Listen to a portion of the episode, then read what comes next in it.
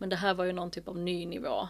När man aktivt skjuter skarpt mot schimpanser som, som egentligen bara gör det som schimpanser vill göra, nämligen utforska sin omgivning.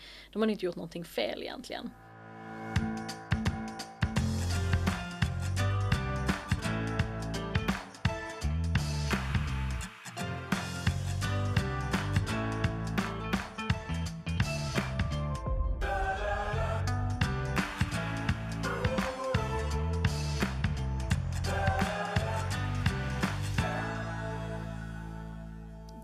Lyssnar på Djurens Rätts podcast på Djurens Sida.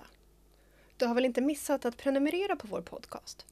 Då missar du aldrig när ett nytt avsnitt släpps i din poddapp. Det här är Djurens Rätts podd. Och vilka är då Djurens Rätt? Djurens Rätt arbetar globalt för att göra skillnad för de djur som är flest och har det sämst. Det har vi gjort sedan 1882.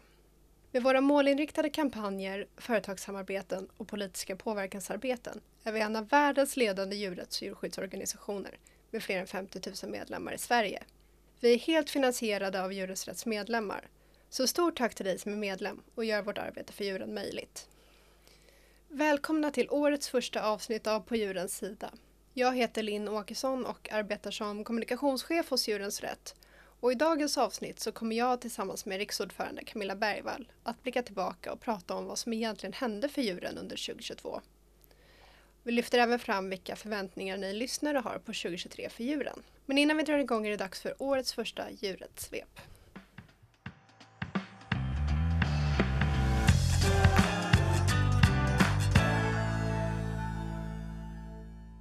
Larm om salmonellasmitta i Sveriges största äggfabrik har gjort att flera livsmedelskedjor har återkallat ägg. 165 000 hönor har dessutom avlivats. Smittan gör ju inte hönorna sjuka, men när de hittas så massavlivas de för att säkerställa människors säkerhet. Djurens Rätt menar att sådana här djurfabriker behöver monteras ner då det inte är första gången det här händer. 2021 avlivades nämligen fler än en miljon hönor efter utbrott av fågelinfluensa på samma äggfabrik.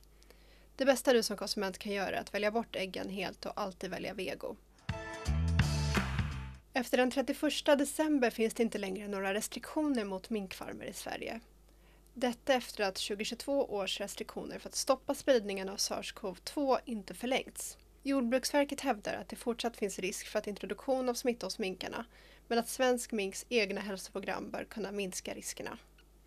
Djurrättsrätten är mycket kritiska till beslutet och vi uppmanar alla att skriva under medborgarinitiativet Fur for Europe för att se till att de plågsamma pälsdjursfarmerna stängs ner en gång för alla i Europa.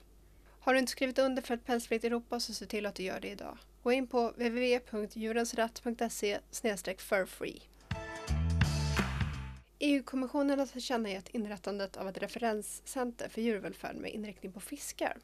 Djurens Rätt har föreslagit och arbetar för att sånt här referenscenter ska bli verklighet och gläds nu åt att kommissionen har gett det här positiva beskedet i frågan.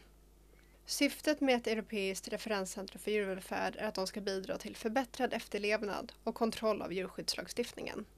Läs mer om det här på djurensrätt.se. Företaget Fatser fokuserar starkt på sin kärnverksamhet och implementering av sin växtbaserade strategi och planerar att förändra produktionen på sin fabrik i Korea, Finland. Nu meddelar företaget att om planerna förverkligas så kommer det i framtiden att tillverkas endast havrebaserade drycker och andra havrebaserade produkter i fabriken. Vilket skulle leda till att de skulle lägga ner mejeriverksamheten. Det här är något som Djurrätt ser oerhört positivt på. Läs mer på velvego.se. I början på januari inleddes den största vargjakten i svensk modern tid, då 75 vargar får skjutas. Målet är att slå ut hela revir, alltså familjer av vargar. Ett revir består av en hona, en hane och deras valpar. Vargens status blir allt lägre och många svenska djurparker har valt att avliva sina vargar. Djurens rätt anser att de vilda djuren borde få leva ostört med rätt till sina egna liv och arbeta för att jakt ska begränsas kraftigt. När det här spelas in så har över 50 vargar redan dödats i årets vargjakt.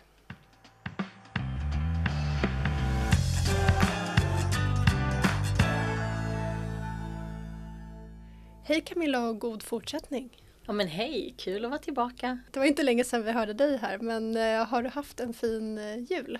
Ja men det har jag. Och det blev, ni som lyssnade på förra avsnittet så var det ungefär så som jag trodde att det skulle vara eh, rent familjejulbordsmässigt. Så ni som lyssnade då, annars får ni gå tillbaka och lyssna igen. blev det Camillas rödbetssallad? Ja, alltså exakt den där repliken. jag ställer den här borta. Den kom. Så att eh, allt har varit som förväntat. Men Ja. lugnt och skönt i Mm. övrigt. Mm. Vad mysigt. Mm. Hur har du haft det? Ja, men jag har haft det bra också. Eh, tack. Jag har varit lite sjuk. Det känns som att det är mycket så här sjukdomar som går nu så jag har varit lite så rosslig. Men eh, det är kul med nytt år och Mm. spännande med eh, ja, men dra igång igen. jag. Det är skönt att vara ledig men kul att vara tillbaks på Ja, jobbet. ja, men jag har exakt samma känsla. Ja. Nu, nu kör vi. Ja men härligt. Och i det här avsnittet så är ju tanken att vi ska summera föregående år och blicka framåt lite mer på 2023 tillsammans med våra lyssnare. Och förra året det var ju ett väldigt turbulent år med krig och oroligheter och dessutom ett, ett omdebatterat val, så riksdagsval. Men det var ju också ett eh, händelserikt år för djuren. Vad eh, skulle du säga utmärker 2022 lite extra för dig? Ja men det är väl det här precis som du säger, det turbulenta, eh, alltså Rysslands invasion av Ukraina, det fick ju konsekvenser liksom, på så många olika sätt eh, för olika saker i Europa och i Sverige. Eh, och ovanpå det då valåret och eh, osäkerheten innan det blev en ny regering och sen att det blev en regering och så. Ja, det har ju påverkat väldigt mycket på olika sätt, både liksom samhällsmässigt men också våra frågor. Att vi inte visste vart djurfrågorna skulle hamna, vilket departement, får vi en, får vi en djurskyddsminister hoppades ju vi på in i sista sekund och sådär. Eh, så det har varit liksom osäkert och turbulent på något sätt. Det är väl min så här, om jag tittar tillbaka så känns det lite så här fram och tillbaka och, och sådär. Verkligen o- osäkert eh, år så. Men och innan vi börjar ta oss igenom de här händelserna som ägde rum och så formade 2022 för djuren så tänker jag att vi måste ju, vi kan ju inte summera 2022 utan att prata lite om det här fruktansvärda kriget som bröt ut då den 24 februari 2022. Men i och med det här krigets då framfart så slöt ju många djurvänner upp. Vill du berätta lite mer om vad Djurens Rätt gjorde efter att kriget bröt ut? Ja, alltså vi jobbar ju alltid väldigt mycket internationellt och vi har många eh, vänner i eh, i princip hela Europa men också utanför Europa. Eh, så vi har haft löpande kontakt med personer som antingen har befunnit sig i Ukraina eller runt omkring eh, för att höra liksom hur vi bäst kan stötta och hjälpa till. För förutom då att människor far illa på olika sätt och har fått fly så har ju också dels djur fått fly eh, men också djur som inte har kunnat eh, liksom fly och ta sig någonstans. Ehm, så där har vi försökt hjälpa till på de sätt vi kan. Och vi fick ju också där i början otroligt många frågor från djurvänner här i Sverige om hur man bäst hjälpte till. Kunde man skänka pengar någonstans och så. Eh, Och då startade vi ju ganska snabbt en insamling. Eh, Och det nådde väldigt höga nivåer väldigt snabbt. Eh, Det var många som ville hjälpa till. Så sammanfattningsvis under året så kan vi säga att vi förmedlade ekonomiska bidrag och förnödenheter till ett värde av mer än 750 000 kronor. Och det är ju fantastiskt. Och det fördelar vi då till organisationer och volontärer i och kring Ukraina som framförallt liksom har väldigt många djurhem som har funnits i Ukraina eh, med hundar och katter och familjedjur och så. De har fått stöd med pengar till foder och transporter och så vidare. Ett sånt exempel var också att vi förmedlade 1,5 ton foder var det till behövande djur tillsammans med företaget Dogman. Så på många olika sätt har vi kunnat hjälpa med vad vi har kunnat och det är jag väldigt glad och stolt över att vi har kraftsamlat på det sättet för att hjälpa liksom både djur och de människor som jobbar med djuren i en väldigt svår situation. Så att jag är väldigt stolt över vad vi lyckades med 2022 faktiskt. Ja men verkligen, jag instämmer. Det var väldigt fint där att se hur många som slöt upp verkligen. Och vi kan ju tillägga då att vårt arbete fortsätter för de som är behövande i Ukraina. Så om du som lyssnar vill bidra så är fortfarande det här plusgirokontot 90 00 63 9 fortfarande aktivt. Och pengarna som kommer in där går ju oavkortat till för att hjälpa djuren i Ukraina. Men om vi då bortser från kriget så inleddes ju 2022 med en glädjande nyhet när riksdagen i början på februari röstade igenom ett, ett nytt brott, grovt djurplågeri, infördes i brottsbalken. Och den här lagförändringen den trädde ju i kraft 1 juli 2022. Ja, vad tänker du kring den här framgången och hur tror du att det kommer förändra liksom, i praktiken för djur? Ja, Djurens Rätt har ju länge jobbat för att det här ska ske. Att eh, det ska bli hårdare straff i brott mot djur. Och så vi är ju jätteglada att eh, vi tillsammans med våra medlemmar har kunnat nå den här framgången äntligen. Och jag hoppas såklart att det ska leda till att brott mot djur tas på större allvar av rättsväsendet och leder till kännbara konsekvenser. Ofta blir det ju ja, men för få påföljder mot de som bryter mot djurskyddslagen och ibland inga alls. Eh, så det behövs ju verkligen att liksom de här, den här typen av brott prioriteras högre av rättsväsendet. Det är ju liksom inte rimligt att brott mot djur som tyvärr är så otroligt vanligt bara får fortgå år efter år. Så jag, jag är hoppfull om att den här lagstiftningen ska komma bra till liksom, verktyg också, att det inte bara blir en, en, en lagtext utan att det också blir verkställd. Så. Ja men verkligen. Eh, och lite på samma tema då så har ju Djurens Rätt under 2022 lämnat in över 50 polisanmälningar gällande brott mot djur som har skett i Sveriges djurfabriker. Varför är det så viktigt att djurplågeri polisanmäls? Ja men det, det korta svaret är ju för att vi aldrig får börja acceptera att det ser ut som det gör i djurfabrikerna. Vi har ju en djurskyddslag som säger att dels att djur ska skyddas mot onödigt lidande och att de har rätt att bete sig naturligt. Men så ser inte verkligheten ut. Då är det ju ett lagbrott och då måste vi ju fortsätta polisanmäla tills eh, djurindustrin följer lagen. Eh, så att det, det arbetet kommer vi fortsätta med tills det, tills det ser annorlunda ut helt enkelt. Det måste vi göra. Ja men verkligen. Finns det något brott som vi har polisanmält som har berört dig lite så extra när du har läst in dig på, på caset så att säga? Ja, så det är svårt att inte prata om de här eh, bilderna och filmerna som vi fick ta del av från en kycklingfabrik i Strängnäs. Eh, de har liksom etsat sig fast hos mig, eh, var helt fruktansvärda. Men sen jag försöker samtidigt vara liksom glad att vi fick ta del av det här materialet så att vi kunde visa allmänheten hur verkligheten faktiskt ser ut för kycklingarna det, den berörde mig verkligen. Ja men precis och det är precis som du säger här att under hösten så fick ju vi alltså ta del av film och eh, bildmaterial från en kycklingfabrik i Strängnäs kommun och som också dessutom då levererar till varumärket Kronfågel. Och vi gjorde ju den här polisanmälan då om grovt djurplågeri och förmedlade sedan materialet eh, vidare då till Aftonbladet som gjorde en granskning i deras program 200 sekunder och den fick ju också en hel del uppmärksamhet. Varför skulle du säga att det är viktigt att eh, medier, som till exempel det här med Aftonbladet, att, att sånt här lyfts i media? Ja, det är jätteviktigt och det är ju tyvärr skulle jag säga alldeles för ovanligt att media faktiskt lyfter den här typen av, av brott. Så jag är väldigt glad att Aftonbladet eh, gjorde det den här gången. Det behövs ju för att människor ska få se hur det ser ut i kycklingfabrikerna. För kycklingfabrikerna själva visar ju inte upp hur det egentligen ser ut utan de visar ju upp en väldigt romantiserande reklamfilmer om livet på en mysig gård med röda knutar. Allting verkar väldigt härligt. Eh, och det är ju vad konsumenter får se. Men den kontrasten ville vi också lyfta fram med vår tv-reklam som visades under hösten. Som hade parollen En framtid utan djurfabriker. Där visade vi liksom verkligheten för kycklingarna kontra den här då romantiserande bilden. Eh, och verkligheten ser ju väldigt annorlunda ut ja, men turbokycklingar som då får leva i bara 35 dagar innan de slaktas. Och på den tiden så ska de växa så enormt fort. Vilket gör att de får ont såklart och väldigt svårt att gå. Och det kan man ju inte kalla någonting annat än systematiskt djurplågeri. Och det måste människor få veta om. Annars kan de inte göra medvetna val när man går i en butik eller sådär. Så fler måste få upp ögonen för hur kycklingarna har det helt enkelt. Så det, det behöver både media göra men vi försöker också använda våra verktyg för att nå ut med till exempel tv-reklam i det här fallet då, när vi har möjlighet till det. Verkligen. Och och eh, om eh, ni som lyssnar vill höra just mer om det här och polisanmälan och det här materialet och så pratade vi mer om det. Och du var ju med i det avsnittet också i avsnitt 46 extra Djurens Rätt polisanmäler kycklingfabrik. Eh, jag tänker också en annan grej som, alltså så här, vi polisanmäler ju men vi följer också upp hur det går med de här ärendena. Och en annan grej som vi har pratat om i våra kanaler som vi kan berätta här det är ju att vi gjorde även en polisanmälan mot en djurfabrik i Grums i Värmland eh, som berörde då höns och kor som levde ja, under fruktansvärda förhållanden och där har ju det lett då till att ett åtal har väckts och den här rättegången äger rum då under våren 2023. Så det kommer vi ju självklart att följa upp och se till att eh, ja, ni får hålla er uppdaterade i våra kanaler helt enkelt men vi kommer informera där när vi, när vi vet mer och det gäller ju alla ärenden som berör brott mot djur och som vi har polisanmält. Men ja, om vi ska lämna lite så brott mot djur och eh, prata mer framgång då, så en annan framgång som ägde rum under våren, det var ju när riksdagen även röstade igenom att ID-märkning och registrering av katter ska bli obligatoriskt. Och det här började ju gälla nu från 1 januari 2023.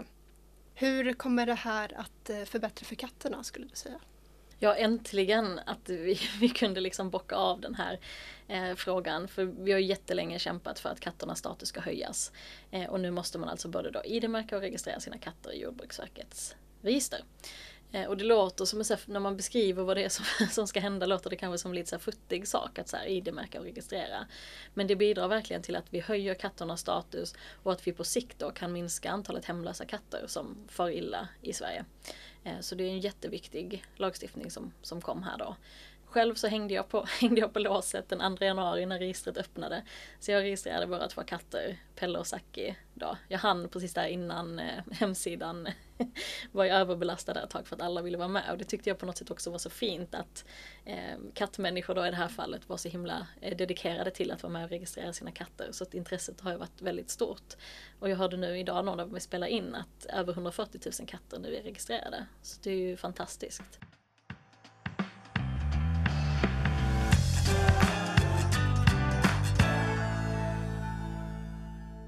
Om vi ska gå vidare då så är ju Djurens Rätts eh, kycklingkampanj något som vi arbetar med kontinuerligt. Eh, då kycklingar är de landlevande djur som är absolut flest och har det sämst. I Sverige så slaktas ju över 100 miljoner kycklingar varje år. Det är en helt ogreppbar siffra. Ja, verkligen. Eh, och som ett led i arbetet för att fler ska få upp ögonen för de här plågsamma kycklingfabrikerna så har vi ju, förutom den här reklamfilmen som du var inne på, så producerade ju också vi tillsammans med produktionsbolaget Naiv en 3D-animerad film som kallades Världens bästa djurskydd. Och den här visades ju då som bioreklam under våren för omkring en miljon biobesökare. Mm den filmen är otroligt viktig. Eh, alltså för att återigen, fler ska få se kycklingarnas verklighet. Eh, och den här filmen är då animerad och har en stor dos humor mitt i allt det mörka. Eh, vilket jag tror gör att det blir lättare att ta till sig, att man inte vänder bort blicken. För det, ibland kan det vara svårt när man vill visa djurens verklighet. Eh, och visa hemska bilder för att det är så lätt att människor vänder bort blicken. Så med den här, just den här animerade filmen ville vi verkligen få folk att känna med de här eh, turbokycklingarna som är huvudpersonerna i filmen. Och den är ju dessutom till stor del finansierad av Djurens Rätts medlemmar och följare. Vi hade en crowdfunding-kampanj som pågick hösten 2021 som ledde till att vi kunde göra den här storsatsningen. Så stort tack till alla som bidrog och gjorde det möjligt att skapa den här viktiga filmen och att vi kunde nå ut så brett med den. Och också tack till skådespelarna som gjorde en strålande insats. Ni som sett filmen kanske minns att det var tre välkända röster som fick spela turbokycklingar. Vi hade Dragomir Mirsic, Sanna Sundqvist och Mattias Fransson.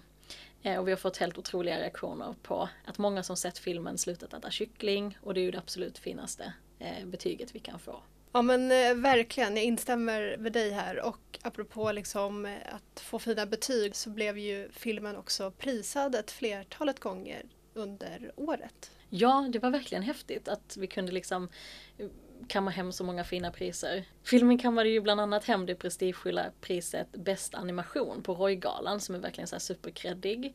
Eh, och sen har vi också utsett till månadens film i tidningen Resumé och månadens kampanj hos Filmstaden. Så det var en riktig succéfilm helt enkelt. Ja men verkligen. Och eh, mer om den här filmen pratar vi också om såklart i ett tidigare avsnitt av podden. Avsnitt 30, Världens bästa djurskydd heter det avsnittet. Så spana in det om ni inte har lyssnat på det ännu. Och eh, för er som inte har sett filmen eller som bara vill se den igen så finns ju den också på Djurens Rätts Youtube-kanal. Eh, jag tänkte också att vi, vi får höra ett smakprov här hur Dragomir lät i filmen. Vadå tolkas olika? Vad snackar du om? Djurskyddslagen kapitel 2 paragraf 2 bre. Det är ju bara att läsa. Djurhållningen ska främja djurens behov och naturliga beteende. Punkt. Sen om jag är rätt person att avgöra vad som är naturligt, det vet jag inte. Om vi ska fortsätta då lite ytterligare på tema kycklingar så meddelade också kycklingjätten KFC att de tar stora kliv mot en grönare och mer djurvänlig framtid. Företaget har då efter samtal med Djurens Rätt bestämt sig för att sätta tydliga vegomål vilket innebär att 50% av proteinerna som företaget säljer år 2030 kommer att vara vego. Mm. Det är ju otroligt stort och ett viktigt kliv för att förbättra för kycklingarna verkligen.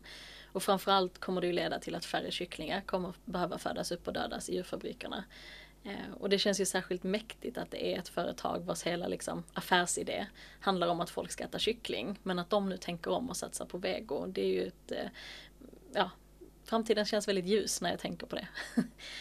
Glädjande är ju också att vi under året nådde milstolpen att över 50 företag har börjat arbeta enligt kriterierna i det vi jobbar med som heter European Chicken Commitment, ECC efter samtal med oss i Djurens Rätt. Då. Det innebär ju att företagen säger nej till turbokycklingar och ja till utevistelse för kycklingar. Detta är ju väldigt glädjande och jag hoppas att allt fler företag kommer börja jobba enligt den här nya miniminivån. För det är verkligen det minsta vi kan begära. Ja men verkligen. Eh, och för att nämna några av de företagen då som börjat arbeta enligt de här kriterierna under 2022 så finns ju bland annat Scandic Hotels Group. Deras policy inkluderar hela deras marknad bestående av 270 hotell i Norden, Polen och Tyskland. Och även Piccadilly antog en policy som gäller för hela deras europeiska marknad. Och även då stora aktörer som Best Western Scandinavia och Larrys har också börjat arbeta enligt ECC under 2022. Det är ju helt, helt fantastiskt. Kul att företag är så på, på den här frågan. Verkligen. Ett annat politiskt beslut som skedde under året det var ju när den socialdemokratiska regeringen beslutade om att tillsätta en utredning om kameraövervakning på slakterier. Ja, men Djurens Rätt har ju länge arbetat för att kravet ska bli verklighet och vi gläds ju åt regeringens besked då. Och den här utredningen ska då redovisas senast 31 maj i år. Då. Om det här införs, på vilket sätt kommer det att förändra för djuren i djurfabrikerna, tänker du? Ja, det skulle innebära att det fanns ett komplement till djurskyddsinspektionerna som görs genom att man också kan kolla på inspelningar så, som finns från slakterierna. Eh, och det blir ju enklare att ha dokumenterade bevis på övertramp som, så att brott mot djurskyddslagen kan få de här konsekvenserna som vi pratade om innan.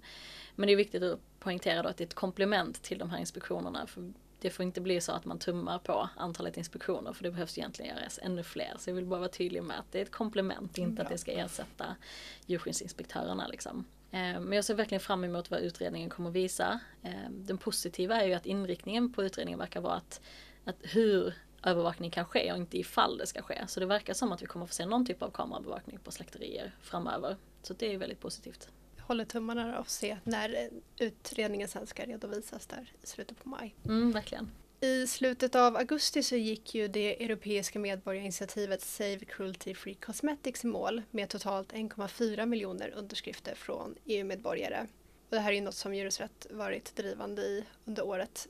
Vad hoppas vi uppnå med det här initiativet? Ja, i, i EU så utsätts ju över 10 miljoner djur för plågsamma djurförsök varje år. Så det är otroligt många djur som det här handlar om. Och startskottet för själva medborgarinitiativet, Safe Cruelty Free Cosmetics, eh, föranleddes av att EUs kemikaliemyndighet krävde att få göra nya djurtester på redan djurtestade ämnen som har varit säkra att använda i flera år. Eh, så målet med den här kampanjen är att, att förbudet mot djurtestad kosmetika i EU ska skyddas så att vi inte liksom går tillbaka och gör nya tester på de här som Kemikaliemyndigheten ville då. Men också faktiskt att EU ska ta fram en handlingsplan för utfasning av samtliga djurförsök. Så det finns liksom en, en paragraf två där i vad vi önskar. Eh, och Djurens Rätt har då, precis som du sa, tillsammans med andra organisationer i Europa arbetat väldigt intensivt för att få ihop det här antalet namn som krävs. Det är ju över en miljon man måste få in för att det här ska gå vidare då i EU-parlamentet. Och jag är jätteglad att vi lyckades nå i mål. Det var väldigt svettigt där på slutet eh, med att få in de sista namnen, men vi lyckades till slut. Så nu kommer det här behandlas och vi får ju följa upp även detta då under 2023 och se till att det blir verklighet. Om verkligen. Mycket som Djurens Rätt gjorde under förra året hade ju en eh, politisk koppling i och med att det var riksdagsval i eh, september. Och vi hade ju också då igång en namninsamling för inrättandet av en djurskyddsminister och en expertmyndighet för djurskydd. Hur gick det med den här namninsamlingen och vad, vad har hänt med namnen som samlades in? Ja, det var väldigt bra gick det med namninsamlingen sammanfattningsvis. Vi samlade in över 35 000 underskrifter och de lämnade vi in då till nytillträdde statsministern Ulf Kristersson efter valet. Eh, tyvärr blev det ju då ingen djurskyddsminister i den regeringen som han utlyste då. Eh, men vi kommer såklart att fortsätta trycka på för att en minister som, som då sätter djurens intressen högst upp på agendan ska bli verklighet framöver. Ehm, det hade gjort så stor skillnad för väldigt, väldigt många djur att ha en person som verkligen har det övergripande ansvaret. Så det kommer vi såklart fortsätta jobba för, även om det inte blir verklighet under 2022. Och på tal då om att göra skillnad för väldigt många djur. På drygt ett halvår så uppnådde medborgarinitiativet Fur Free Europe en miljon underskrifter från EU-medborgare. Men vi är ju inte helt i mål ännu, eller hur? Nej men precis. Eh, för att EU-kommissionen ska gå vidare med initiativet så måste vi ha liksom en miljon validerade underskrifter.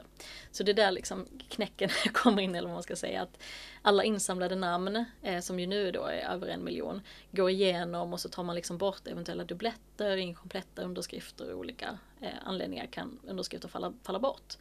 Eh, så för att vara helt säkra på att vi efter den här processen då har en miljon underskrifter så måste vi nå ja, men minst 1,4 miljoner. Då skulle vi nog vara väldigt säkra på att vi når i mål. Eh, så det är en liten sån här formalia grej. Men vi vill komma upp i åtminstone 1,4 miljoner namn. Eh, men sen är det såklart viktigt att vi blir så många som bara möjligt för att sända signaler till parlamentet om att vi är många som vill se ett slut på pälsindustrin i Europa. Så bara av den anledningen vill man ju liksom bli två miljoner för att bara verkligen trycka på att det här är jätteviktigt. Så nu kommer vi liksom kraftsamla i några månader till eh, och jag hoppas att For Europe kan bli det mest framgångsrika medborgarinitiativet någonsin. Det hade ju varit väldigt tydlig signal till EU-parlamentet. Så om du inte har skrivit under så gör det idag på djurensratt.se furfree och be alla dina vänner, släktingar, egentligen alla du känner tänker jag, att skriva under så kan vi nog komma upp i den där rekordsiffran tror jag. Ja men verkligen. Enda kravet är ju att man är EU-medborgare och är över 18 år i Sverige. Precis, det är en liten tråkig 18-årsgräns där. Så är du under 18 så får du tvinga föräldrar och andra vänner över 18 att skriva under. Ja, men innan vi avrundar 2022 så måste vi också tyvärr lyfta det fruktansvärda som ägde rum den 14 december på Furuviks djurpark när fyra schimpanser sköts till döds. Deras namn var Torsten, Manda, Linda och Santino. Camilla, vill du berätta lite mer om vad som gjordes från vårt håll när det här fruktansvärda inträffade? Ja, det här var ju ett fruktansvärt slut på året verkligen. Eh, vi har ju länge kritiserat att djurparker avlivar fullt friska djur för att deras liksom så kallade underhållningsvärde sjunker när de blir äldre och så vidare. Men det här var ju någon typ av ny nivå när man aktivt skjuter skarpt mot schimpanser som, som egentligen bara gör det som schimpanser vill göra, nämligen utforska sin omgivning. De har inte gjort någonting fel egentligen. Eh, och det här visar ju att det inte är en bra idé att stänga in djur för underhållning. Det kommer liksom leda till problem och det blir alltid djuren som är förlorarna i den ekvationen. Så med anledning av tragedin på Furuvik eh, så Eh, skickade vi ett brev till Furuviks eh, djurparks ägare då, det är Parks and Resorts som äger Furuvik. Eh, och i brevet ber vi om ett möte och att hållningen av primater i fångenskap behöver avvecklas. Eh, och jag hoppas verkligen, för det här ledde ju till väldigt stora diskussioner i media och sådär, att det kan leda till att det får verkliga effekter på hur vi ser på djur. För det behöver ju verkligen förändras. Ja men verkligen, det här är så ett tydligt exempel på att vi inte kan hålla vilda djur i bur.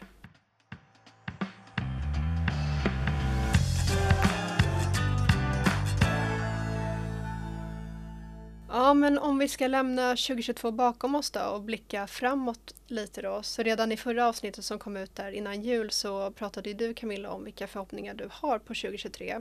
Och det här sa du då. Eh, men min hjärtefråga som ingen som lyssnar på den här podden har missat är ju såklart minkarna. Eh, och vårt medborgarinitiativ för For Europe går i mål 2023.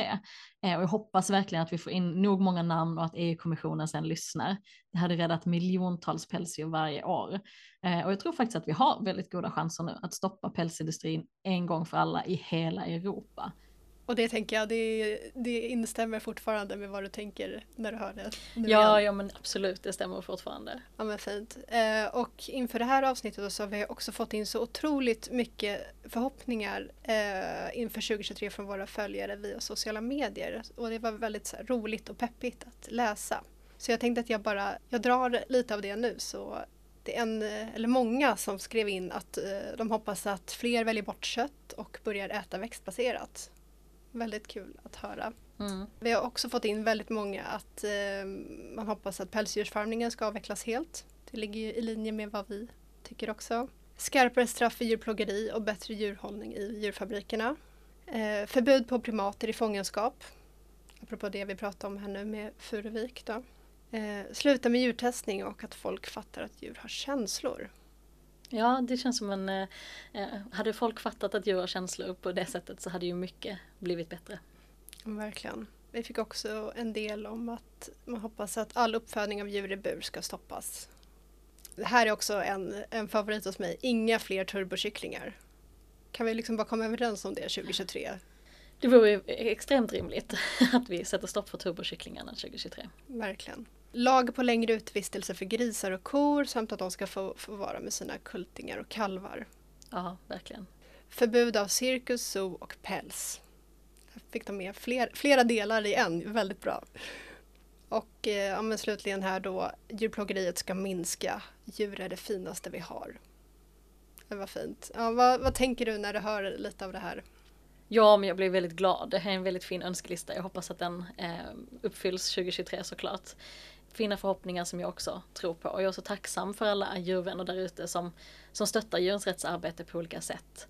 Och om du inte redan är medlem så rekommenderar jag verkligen att bli det, för då stöttar du djurens rättsarbete hela året och du får vår fina medlemstidning där du kan hålla dig uppdaterad om allt som händer, hur du kan engagera dig Ehm, och sådär. Ehm, för utan våra medlemmar så skulle Djurens Rätt inte finnas. Så jag vill verkligen att vi ska bli många fler under 2023. Det är väl den enda saken jag skulle lägga till på listan. Att vi blir många fler medlemmar i Djurens Rätt så att vi kan göra ännu, ännu mer skillnad. Ja, men jag instämmer. Och eh, slutligen då, vad skulle du vilja skicka med till lyssnarna nu när 2023 har ju precis inletts? Vad kan de förvänta sig av att Djurens Rätt ska göra för djuren under det här året? Jo men vi kommer göra allt vi kan för att djur ska respekteras som kännande individer med rätt till sina egna liv. Och vi kommer liksom att fortsätta kämpa för de djur som är flest och har det sämst, det vill säga kycklingarna. Men vi kommer också satsa ännu mer på att stärka djurskyddet för fiskarna som ju också är otroligt många. Och såklart ska vi göra hela Europa pälsfritt. Ja men verkligen, superbra. Ehm, stort tack Camilla. Ehm, innan vi avrundar så kan vi också passa på att slå ett slag för att din årskrönika finns ju att läsa på djurensrätt.se. Det finns den, tack själv. Jag är så peppad på ett nytt år för djuren.